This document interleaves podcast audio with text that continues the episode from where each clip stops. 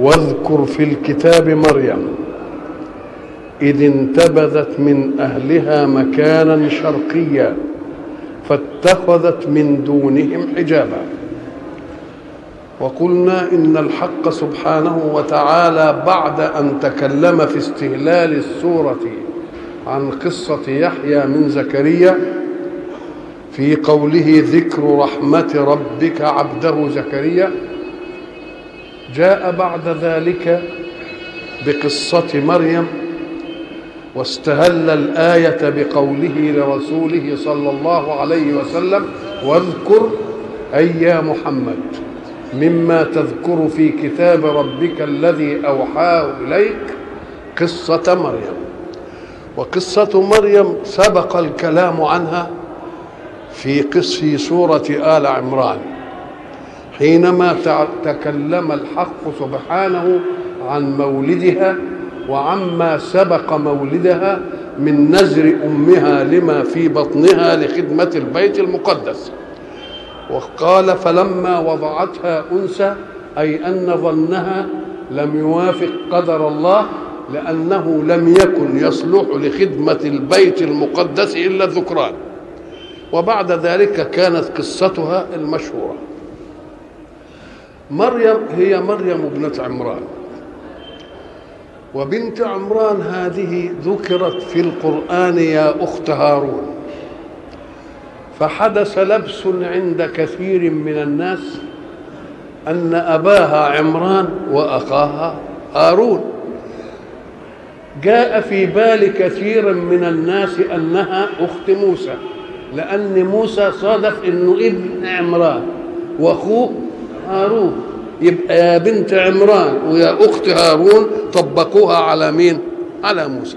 ولذلك لما ذهب صحابة رسول الله إلى اليمن قال له أهل اليمن إنكم تقولون إن مريم بنت عمران وبتقولوا إنها أخت هارون مع أن بين عمران وبين مريم. وبين عمران اللي هو أبو موسى وبين هارون اللي هو اخوه كذا وكذا إلى 11 جيل. فكيف يتأتى هذا؟ فقال رسول الله صلى الله عليه وسلم أما ذكرتم له أن الناس كانوا يتفاءلون بذكر الأسماء وخصوصا الأنبياء. فيسمون على أسمائهم عمران ويسمون على أسمائهم هارون حتى ذكروا أنه في بعض جنازة العلماء مشى في جنازته أربعة آلاف واحد اسمهم هارون. هارون هارون هارون. إذا فكانوا يتفاءلون بأسماء الآباء. إذا فالمسألة صدفة في أنها بنت عمران ولكن ليس عمران أبو موسى.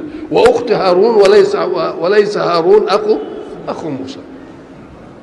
واذكر في الكتاب مريم فلما كانت الخدمة للبيت المقدس وأمها نذرتها فشاء الحق سبحانه وتعالى بعد أن كانت تفرغ لخدمة البيت المقدس مكانا أفرغت نفسها لخدمة بيت المقدس قيما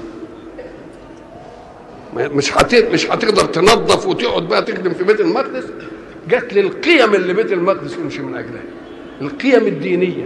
وحملت نفسها عليها حملا متمسكا بدين الله حتى أنها هجرت أهلها وذهبت إلى مكان بعيد كخلوة تفر بها من الناس. إذ انتبذت أي ابتعدت نبذت نفسها عن أهلها. والإنسان يأنس بأهله فهي ابتعدت عن أهلها واتخذت من دونهم أيضا حجابا. طب ما دام ابتعدت إيه الحجاب لزوم؟ قال لأن الابتعاد بعد مكان. لكن المكينة قد يمر عليها فاتخذت حجاب لمن يأتي برضه يمر عليها. أي أرادت أن تنزل نفسها عن دنيا الناس وعن أنسها بالناس لأنها اكتفت بأنسها بمين؟ بالحق سبحانه وتعالى. واذكر في الكتاب مريم. اذكرها حالة انتبذت أي ابتعدت من أهلها واتخذت لها مكانا شرقيا. شرقي إيه؟ شرقي البيت بتاعها شرقي بيت المقدس يعني المكان اللي يكون بعد. يقول اشمعنى شرقي يعني. ليه؟ لأنهم كانوا يتفاءلون بشروق الشمس لأنها سمة النور المادي. سمة النور المادي الذي يجعل الإنسان لا يتعثر في الأشياء. ويستطيع أن يسير فيه على إيه؟ على هدى. لأن لله كما قلنا سابقا نوران. نور للمادة اللي هي بيجي من الشمس ومن القمر ومن النجوم ومن المصابيح دي. دول نور للمادة. يعني إيه؟ يعني ينور لك المادة, المادة قدامك. علشان كما قلنا إذا سرت لا تصطدم بأقوى منك فيحطمك. ولا بأضعف منك فتحطمه تقوم تتفادى الأشياء وتمشي على إيه؟ ولذلك يقول لك يمشي على نور. يمشي على نور. ده في المسائل المادية. كذلك له منهج آخر لمسائل القيم. عشان ما نتحسرش في القيم أيضا. فله نوران. ولذلك يقول في أعوذ بالله من الشيطان الرجيم. الله نور السماوات والأرض مثل نوره إلى آخره. وبعدين يتكلم يقول لك نور على نور. إيه النور اللي على نور؟ اللي ينزل لكم بقى من الإيه؟ من الوحي في بيوت أذن الله أن ترفع وتاخذوا منها الأشياء. تنور لكم الإيه؟ تنور لكم الكلام. فكانوا يتفاءلون بهذا النور لما يجي من ناحية المشرق فاتخذت المكان بتاعها ناحية الإيه؟ ناحية المشرق. والحجاب هو ما يجعله الإنسان حاجبا له عن غيره وحاجبا لغيره عنه. الحجاب مرة يكون حجاب مفرد هو ساتر فقط. يستر. ومرة يبقى حجاب مركب. وإذا إذا أرادوا أنهم يبالغوا في التستر يعملوا الحجاب إيه؟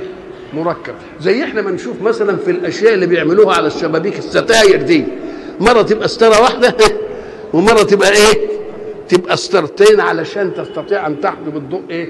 الضوء أكثر. ولذلك يقول الحق سبحانه وتعالى وأعوذ بالله من الشيطان الرجيم وإذا قرأت القرآن جعلنا بينك وبين الذين لا يؤمنون بالآخرة حجابا مستور. طب ده الحجاب ساتر. الحجاب ساتر ولا الحجاب مستور؟ قال لك حجابا يعني هو حجاب وفي ذاته إيه؟ مستور بحجاب آخر.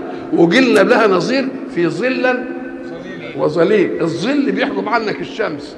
لكن علشان تنحجب الشمس بحرارتها قوي يقوموا يعملوا إيه؟ مركب. الظل اللي هيحجب عنك الشمس مظلل أيضا. ظل ظليل يعني ظل ما إيه؟ ظل مظلل. واذكر في الكتاب مريم إذ انتبذت من أهلها مكانا شرقيا فاتخذت من دونهم حجابا فأرسلنا إليها روحنا إحنا علمنا زمان أن كلمة الروح لها إطلاقات متعددة في القرآن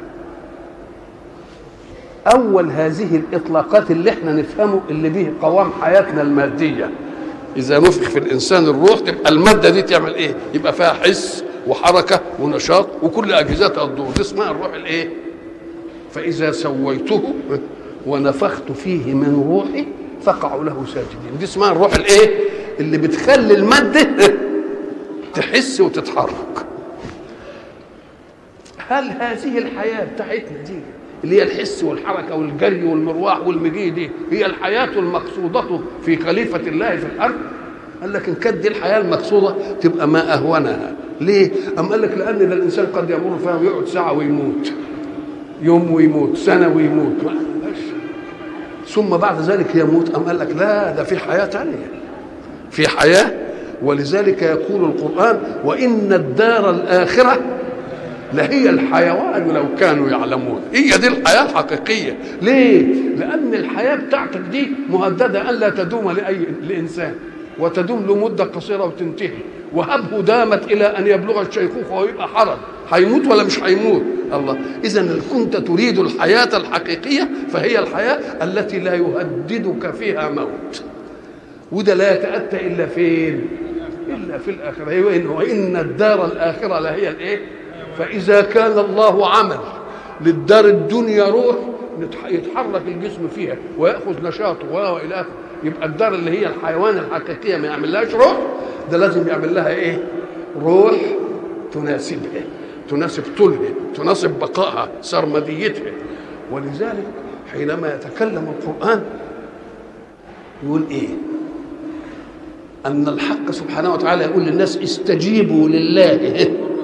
وللرسول إذا دعاكم لما يحييكم. طب ده هو بيخاطبهم. بيخاطبهم يبقوا أحياء ولا لا؟ بس أحياء الحياة هي بقى الحياة الدنيا بتاعت الدنيا دي. استجيبوا لله وللرسول إذا دعاكم لما يحييكم. يبقى كن في حياة تانية وإلا فهو يخاطبهم وهم أحياء. اذا إن لم تستجيبوا يبقى ما خدتوش حياة. الحياة هي بقى الحياة اللي هي لها إيه؟ اللي هي لها بقاء. فكما سمى الله السر الذي ينفخه في المادة فتتحرك وتحس وتاخد حياتها المادية جعل برضه للقيم التي تبقي لك الحياة في الآخرة الحياة السعيدة سماها روح برضه سماها إيه؟ ولذلك يسمي القرآن إيه؟ روحا وكذلك أوحينا إليك روحا من أمرنا. روحا يعني الإيه؟ ويسمي اللي ينزل به حتى اللي ينزل بالروح يسميه إيه؟ نزل به الروح الأمين. الله. إذا ففيه حياتان حياة مادية لها النور المادي ولها الروح اللي هي بتخليه يتحرك ويحس. وبعد ذلك حياة قيمية ولها حياة أخرى هي الحياة الإيه؟ السرمدية. فالحق سبحانه وتعالى بيسمي الوحي اللي ينزل بالروح القيمية يسميه الروح ويسمي ما ينزل به إيه؟ ما ينزل به روحا.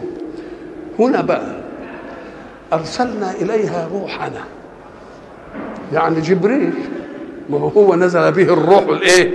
الروح الأمين. طب نزل. فأرسلنا إليها روحنا فتمثل لها بشرا سويا. كلمة فتمثل يبقى هي مش حقيقته. يبقى حقيقته شيء تاني نورانية وأشياء أخرى. وذو أجنحة مثنى وثلاث ورباع له حقيقة تانية. إنما هل هو ظهر على حقيقته؟ قال لك لا. ده ظهر على إيه؟ على هيئة بشر. يبقى بشر دي مش حقيقته. ده إيه؟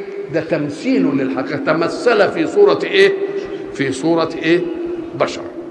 تمثل في صورة بشر. طب ليه؟ أم قال لك امال يعني كانت تبقى المسألة خفية؟ ما يمكنش يلتقي الملك بملكيته مع البشر ببشريته لأن ده له قانون وده له قانون. ولذلك إما إن الملك يتمثل بصورة بشر وإما الإنسان نفسه يرقيه الله إلى أن يأخذ صفة الملكية كما رقى محمدا صلى الله عليه وسلم في المعراج. يديله عشان ممكن يلتقي لأنهم الاثنين عايزين إيه؟ يلتقوا ويتقابلوا. وما دام هيلتقوا يبقى حاجة من الاثنين يا إما يتمثل بشر ولذلك هناك إيه؟ وما منع الناس أن يؤمنوا إذ جاءهم الإيه؟ إلا أن قالوا إيه؟ أبعث الله بشرا رسولا. قل لو كان في الأرض ملائكة يمشون مطمئنين لنزلنا عليهم من السماء ملكا إيه؟ رسول ولو إيه؟ جعلناه إيه؟ ملك. لجعلناه رجلا. مش ممكن يقابلكم وهو ملك. أمال يبقى إيه؟ لازم يتمثل في صورة إيه؟ في صورة بشر. صورة البشر دي عشان الإناث لأنها ما شافتش الملك فيمكن لما تشوف الصورة دي تفزع. فجاب لها في صورة إيه؟ بشر. فتمثل لها بشر. بس بشر شكله إيه بقى؟ نشوف كده. فتمثل لها بشرا أي من جنسها. سويا يقال فلان سوي التكوين. إذا كانت أبعاد جسمه منسجمة مع بعضها. يعني كده يقول لك ده إنسان إيه مساوي. مساوي لا لا, لا جبهته نص وشه. ما فيها ناس. جبهته تبقى نص وشه. فيها ناس مناخيرها واكل وشها. فيها ناس بقها يبقى مش عارف إيه. فيها ناس تبقى مثلا عاملة لا إنما هو بشر إيه؟ بشر سوي. يعني إيه كلمة جايب بشر سوي ليه؟ قال لك للإناث. أدي واحدة. وأيضا ليثبت أن مريم عفيفة عفيفة عفيفة. بدليل إنها لما شافت الإنسان السوي الوسيم الجميل ده اللي شكله مش عارف إيه قالت أعوذ بالرحمن منك إن كنت تقيا. ولو كان فيها بس كانت تستلطف ولو تتكلم وهي كلمتين ولا حاجة ابدا. أعوذ بالرحمن منك إن كنت إيه؟ إن كنت تقيا. يبقى بشر عشان إيه؟ يونس وعلشان يبين لك إنها مع إنه بشر سوي والبشر السوي ده هو اللي يعجب مين؟ يعجب المرأة شكله اندامه زيه سمته بزته. الله. مع ذلك ساعة ما قالت له إيه أعوذ بالرحمن منك إن كنت إيه تقية دل على أنها إيه؟ عفيفة في منتهى العفة والاستقامة وللإيه والالتزام. فتمثل لها بشرا سويا. ساعة ما تمثل لها بشرا سوي قالت إني أعوذ بالرحمن منك إن كنت تقيا. أعوذ أي ألتجئ. ألتجئ إلى الله منك لأنني أخاف لا تفتك بي لا تعتدي علي لا تعمل فيها. فأنا ما أعمل إيه؟ أنا ضعيف امرأة. فأنا لا أستعيذ إلا بالله هو اللي يقوى على إنه إيه؟ يرضى عنه. والاستعاذة وإذا استعذت بالله فاعلم أن الذي يحترم استعاذة إنسان بربه الإنسان المؤمن. اللي أقول له أعوذ بالله أنا استعذت بالله منك يا شيخ. يقول له خلاص يا شيخ ما دام أنت استعذت بالله واستغاثت به أنا لست وقعا حتى أجترئ على من استعاذ بربه. مش ما عنديش الجرأة دي. ولذلك قلنا سابقا إن رسول الله صلى الله عليه وسلم لما خطب امرأة وكان فيها شيء من حسن وبعد ذلك غير غيرة النساء بقى. قالوا الست اللي جاية دي جديدة دي هيبقى مش عارف إيه أحسن تغلبنا على رسول الله ومش عارف إيه. فقالوا لها إيه إن رسول الله يحب إذا اقترب من انسان إن الإنسان يستقبله يقول له أعوذ بالله منك. بس البت غل بدوية غلبانة. ساعة ما دخل عليها رسول الله قالت له أعوذ بالله إيه؟ منك. أما لا استعذت بمعاذ اذهبي إلى أهلك. يبقى إذا اللي, اللي يحترم الاستعاذة بالله من؟ التقي فقالت له إن كنت بقى تقي فأنا أنت أنا أنت جاي بتقول لي علشان تعمل إيه؟ ولا ما نعرفش. إنما إن كنت تقي ابعد عني. وكلمة إني أعوذ بالرحمن. ليه؟ إيه كلمة الرحمن دي؟ لأنها برضه في أمل إنه حتى وإن لم يكن تقي رحمة ربها تقيها منه. قالت إني أعوذ بالرحمن منك إن كنت تقيا. قال إنما أنا رسول ربك. أنا مش جاي من نفسي. أنا رسول إيه؟ رسول ربك. وكلمة ما قالش رسول الله. رسول الرب المتولي التربية. والذي تولى تربية شيء يعمل إيه وياه؟ حسن تربية له يصونه عن أي إفساد. لأن إحنا قلنا عطاء الربوبية عطاء مادي. يديك الحاجات دي. إنما الألوهية عطاء معنوي عطاء قيمي عبادة. أعوذ بالرحمن. قالت إني أعوذ بالرحمن منك إن كنت تقيا. قال إنما أنا رسول. طب أعوذ بالرحمن منك إن كنت تقيا. وإن لم تكن تقي ما استعذش بالرحمن. لا أعوذ بالرحمن منك. ادي قضية.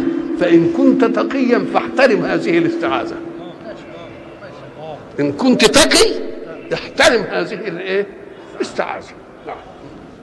وإن ما كنتش هتحترمها أنا لجأ برحمن رحيم يحطني ويعني فيبقى النص فيه إيه؟ فيه الاحتمالين لايه الاثنين. قال إنما أنا رسول ربك. لأهب لك. أهي كلمة لأهب لك دي كان يجب أن يفهم منها أنها هبه مش مش بأسباب تكوينك وسببية. ده مسألة جاية كده من عنده. طب ده إحنا قلنا في يحيى وزكريا إن هو إيه؟ هبه لأن كان الراجل زكريا بلغ من الكبر إيه؟ واذا امرأته عاقر. لكن الجهازين موجودين الاثنين ولا لا؟ الذكورة والأنوثة. لكن في دي إيه؟ ما فيش ما فيش ذكورة. فتبقى الهبة هنا إيه؟ هبه صح. لأهب لك. لأهب لك غلاما زكيا. غلاما زكيا. زكي يعني إيه؟ فيه فيه ذكي من الذكاء وفيه ذكي يعني مطهر صافي نقي. ساعة ما يقول لها لأهب لك غلاما زكيا كانت الفتنة تقتضي إنه هبة إنه إيه؟ هبة. وما دام هبة ما تبحثيش في الاسباب وما دام هبة ما تبحثيش في إيه؟ في الاسباب قالت أنى يكون لي غلام. كيف يكون لي غلام؟ ولم يمسسني بشر ولم أك بغيا التقاء الرجل بالمرأة أو الجنس الذكوري بالأنوثة له وسائل. الوسيلة الأولى شرعها خالقهما. نتجوز وتبقى إيجاب وقبول والشهود والدنيا والهاسم يبقى ده إيه؟ إذا مس يبقى يمس عن حلال طب ما فيش دي. أم قال لك يبقى مسألة إن هو يجترئ بقى على حرام. الحرام دي بموافقتها ولا من غير موافقتها بموافقتها لها كلام. من غير موافقتها يبقى اغتصاب. يبقى إيه؟ اغتصاب وبموافقتها بموافقتها وهو الطالب ولا هي اللي طلبت؟ يبقى ادي كل الايه كل الأمور كل الأحوال. اذا فالحلال اننا نعمل إيه؟ إن بايجاب وقبول والشهود ويتجوز. ادي التقاء الذكر بالإيه؟ بالأنثى أو الرجل بالمرأة للتكاثر والاستمتاع طب والحالة الثانية؟ إن ما يكونش العقد ده موجود. ده له كام صورة؟ قام قال لك يجي واحد كده يروح مغتصب بنت غصب عنها أدي واحدة يا يا يا يا يجي ويقنعها بأنها ترضى. يا تكون هي اللي دعته لكده. في واحدة ما تدعيش واحد إنما ان تعرض لها واحد إيه؟ يبقى زي بعض. فقالت قالت بقى الحالات أهي. أنا إزاي يكون لي غلام وأنا الحالات مش عندي؟ لم يمسسني بشر. لم يمسسني يمسني بشر إما بطريق الحلال وإما بطريق الحرام الاغتصاب أو الثاني وأنا في ذاتي لم أكن بغي يبقى منعت الأحوال كلها ولا لا؟ يبقى اذا وسيلة وجود غلام لي وسيلة لا سبب لها. لأنني لم يمسسني إيه؟ كلمة مس مسني بشر. إذا إذا جت في القرآن يبقى المقصود منها النكاح ولذلك هناك في القول وإذا طلقتموهن ولم تمسوهن وقد فرضتم لهن فريضة فنصف ما يبقى لا تمسهن يعني إيه؟ يعني المراد بها الإيه؟ النكاح بس تعبير إيه؟ مهذب ولذلك الإمام أبو حنيفة رضي الله عنه لما جه في لامستم النساء قال لا ده مش المراد اللمس اللي هو المس ده ده المراد العملية إياها يعني جامعتم النساء. ليه؟ قال قال لك إذا كان المس نفسه يطلقه القرآن المس بس يطلقه القرآن ويريد به النكاح تبقى المس من طرف واحد. إنما الملامسة ده مفاعلة من الاثنين. تبقى دي من باب أولى يبقى لامستم يعني تبقى إيه؟ جامعتم قالت ألا يكون ألا يستفهم بها عن الكيفية. الله. إذا هي لما جت منعت الكيفيات التي تعرفها. وما دام منعت الكيفيات التي تعرفها من إنه زواج بحلال التقاء بحرام هي اللي طلبت. ولذلك قال بغي. بغي يعني تبغي الرجال. حتى في اعرافنا زمان يقول لك البغاء. مش كانوا بيسموه البغاء؟ ويقول لك بغيه يعني إيه؟ هي اللي إيه؟ هي اللي تقعد في حتة كده قدام الدكان ولا قدام البيت وتعرض نفسها على مين؟ ومش تعرض نفسها يمكن تشده يبقى هي اللي تبغي الإيه؟ ولم اكن إيه؟ بغيا أو بغيا مبالغة في الإيه؟ في البغي وهو الظلم. لأن شيء باغ ولما. يعني. تبالغ فيه تقول إيه؟ بغيش. يعني إيه؟ مبالغ في البغي.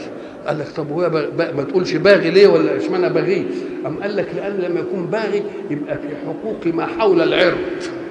إنما في حتة العرض ده هو الإيه؟ هي اللي صعب قوي يبقى عايزة واحد إيه يعني؟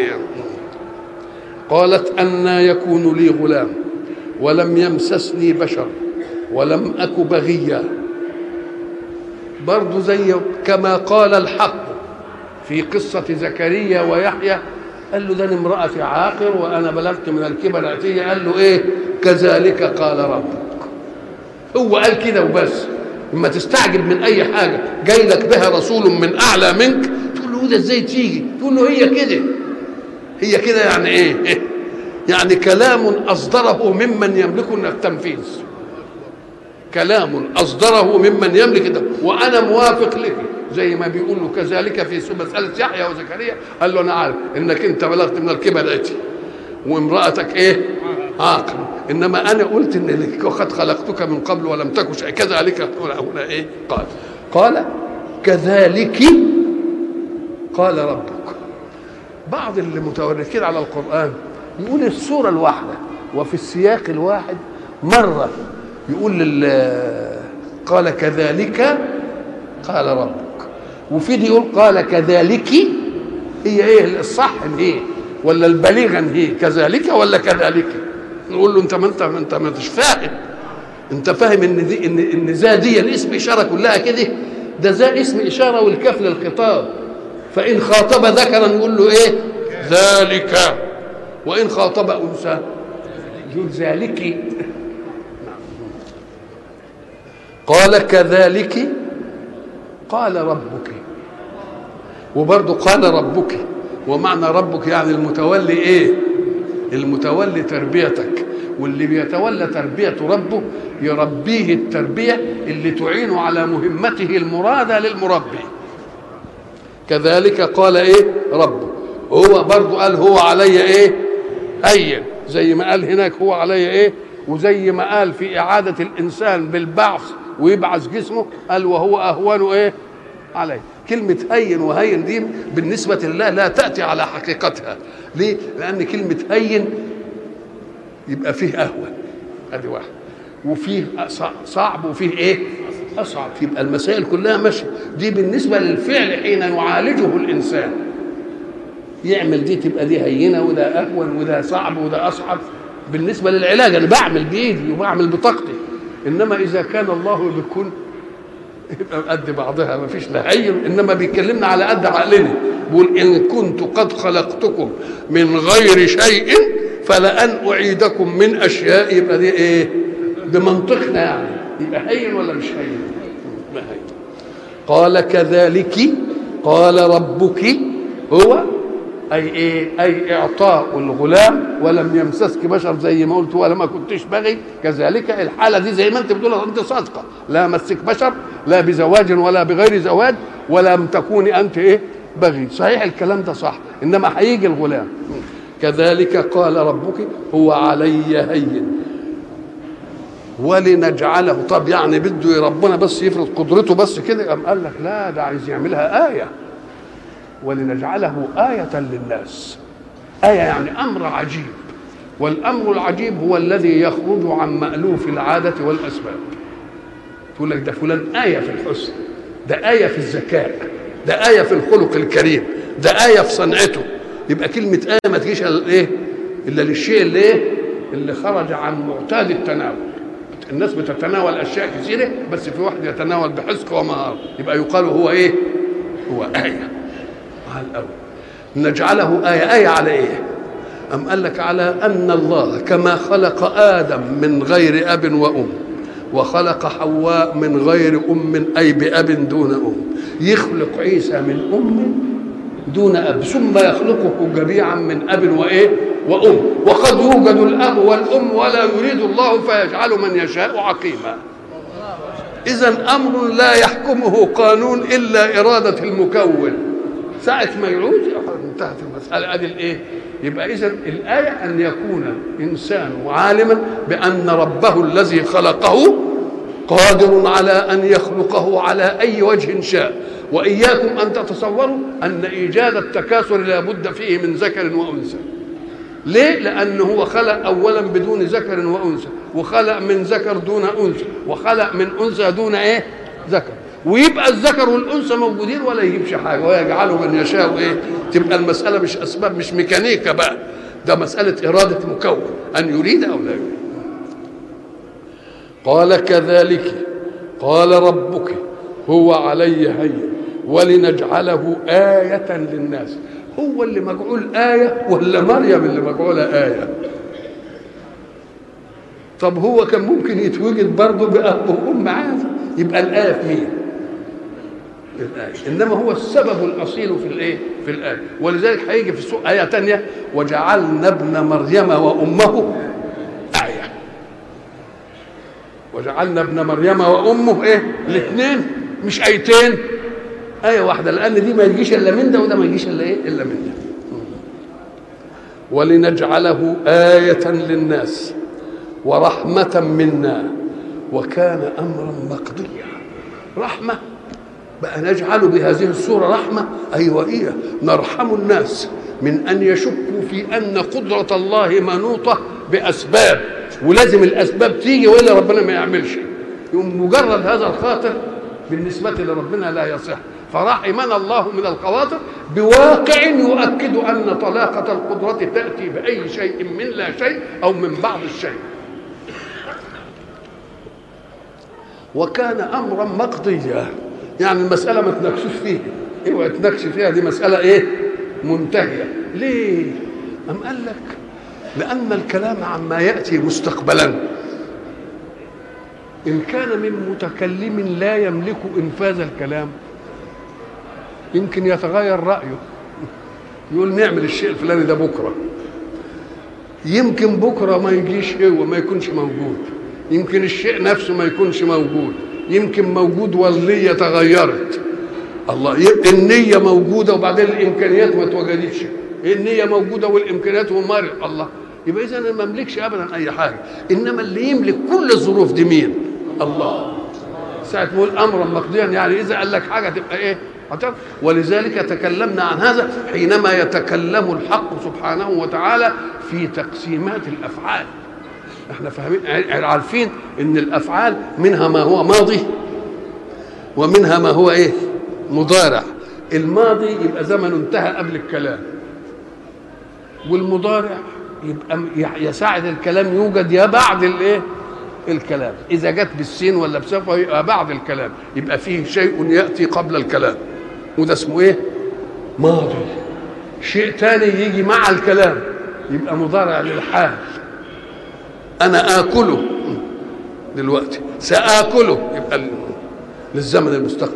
لكن الأفعال إذا جاءت مع الله محدثها تنحل عنها الماضوية والحالية والاستقبالية.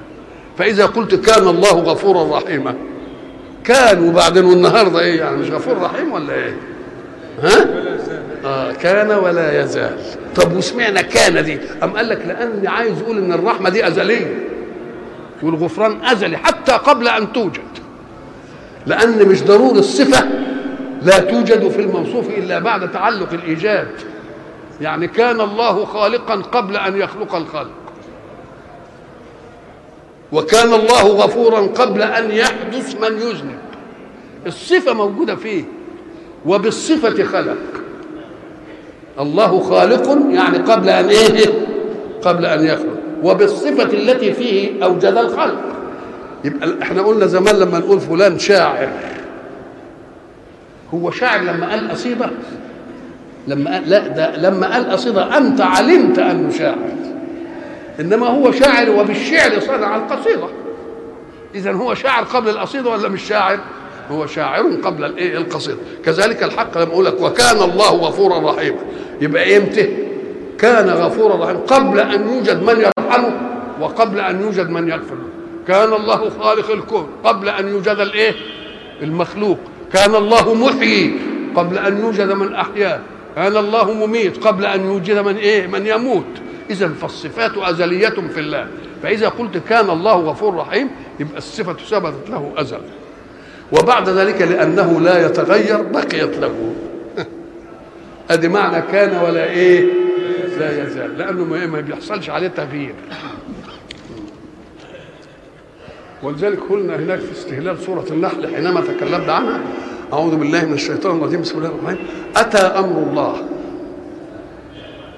الجماعة اللي بيعترضوا على القرآن يقول لك يقول أتى أمر الله وبعدين يقول فلا تستعجلوه. ده معنى فلا تستعجلوه أنه إيه؟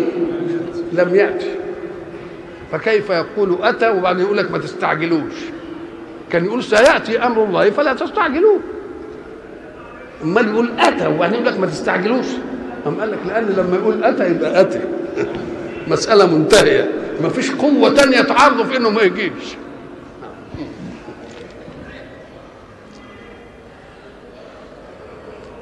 وكان أمرا مقضيا. وإذا قضى الله أمرا فلا إيه؟ فلا مرد له. لأن يرجع في كلامه لحكمه نقول الحكمة كانت غايبة عنه ساعة ما عمل. يا يرجع في كلامه لأن حد قال له لا بلاش دي ملوش شريك. وكان أمرا مقضيا فحملته فانتبذت به مكانا قصيا.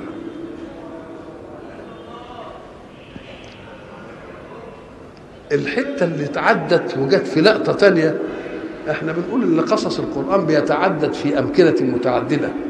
هو مش تعدد للقصة ده تعدد للقطات القصة.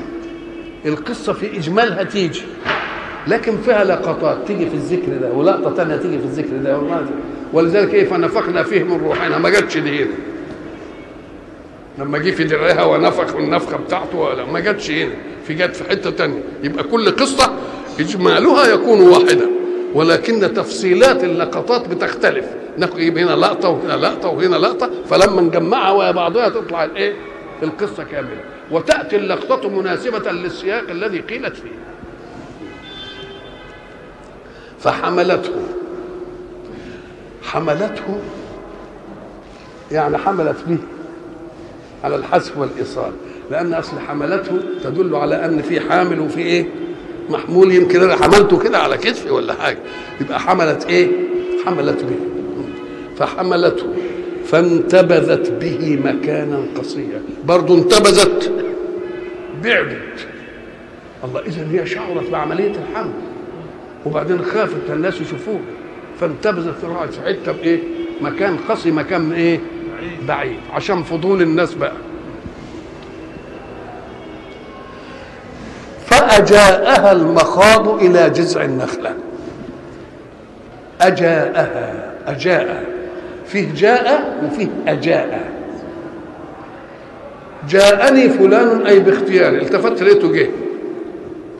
إنما فلان كان عاصي ومش راضي يجي. أجاءه فلان يعني جابه في إيده كده وجه.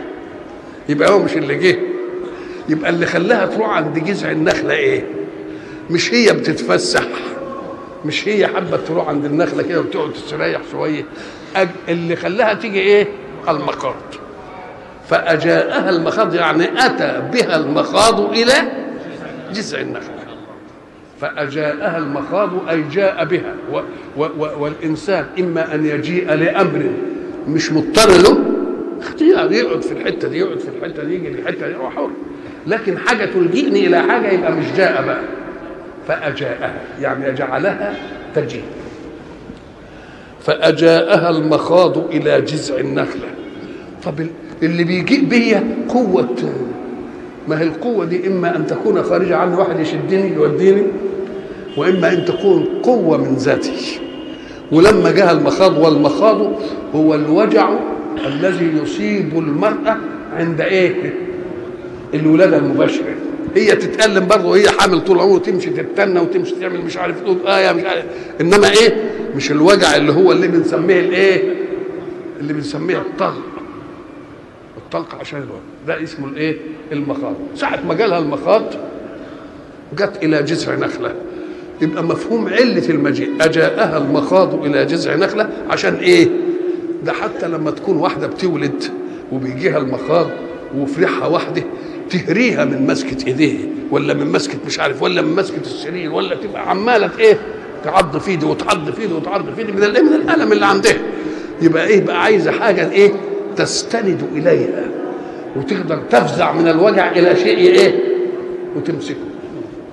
فأجاءها المخاض إلى جذع النخلة. جذع النخلة ما قالش إلى جذع نخلة مما يدل على إنها نخلة إيه معروفة.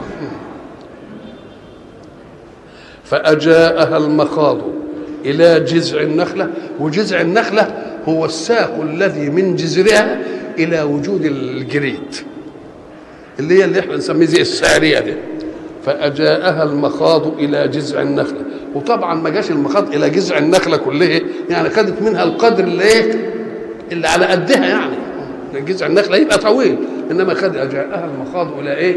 إلى جذع النخله ولذلك لما ساعة ما الحق يبالغ يقوم يعبر التعبير اللي يديك إيحاء بالايه؟ بالبلاغة والتمام يعني مثلا لما قال إيه؟ آه يجعلون اصابع آه أصابعهم في إيه؟ في أذانهم من الصواعق الواحد لما يسمع صوت شديد يعمل إيه؟ يقوم يسد ودانه عشان إيه؟ بيحمي الطبل أحسن الصوت ده يمكن يخرقه ولازم يجي لها ألم الأول قبل ما يحصل ده علشان تبادر أنت وت إيه؟ وتسد ودنك. لما تسد ودنك بتسدها بإيه؟ بأنملة. مش بالصابع. يجعلون أصابعهم في اذانهم الاصبع هيدخل فين الاصبع يروح في الأذان. قام قال لك لا ده مبالغة في الكتم كأنه عمال إيه؟ من شدة الصواعق يعمل إيه؟ عايز يدخل إيه؟ صبعه كله علشان ما إيه؟ ما يسمعش فأجاءها المخاض إلى جذع النخلة. مسألة بقت واقع حمل كلام لم يمس كلام إنها لأهب لك غلاما زكيا وقبلته وبعدين حملته برضه قبلته وبعدين جاءت المسألة إيه؟ لأن كل شيء يمكن أن يكون تقدر تستره. إنما حكاية بقى الولد اللي هيجي ده والبتاع عملية مش فلذلك حصل لها نوع من من من, النزوع الانفعالي.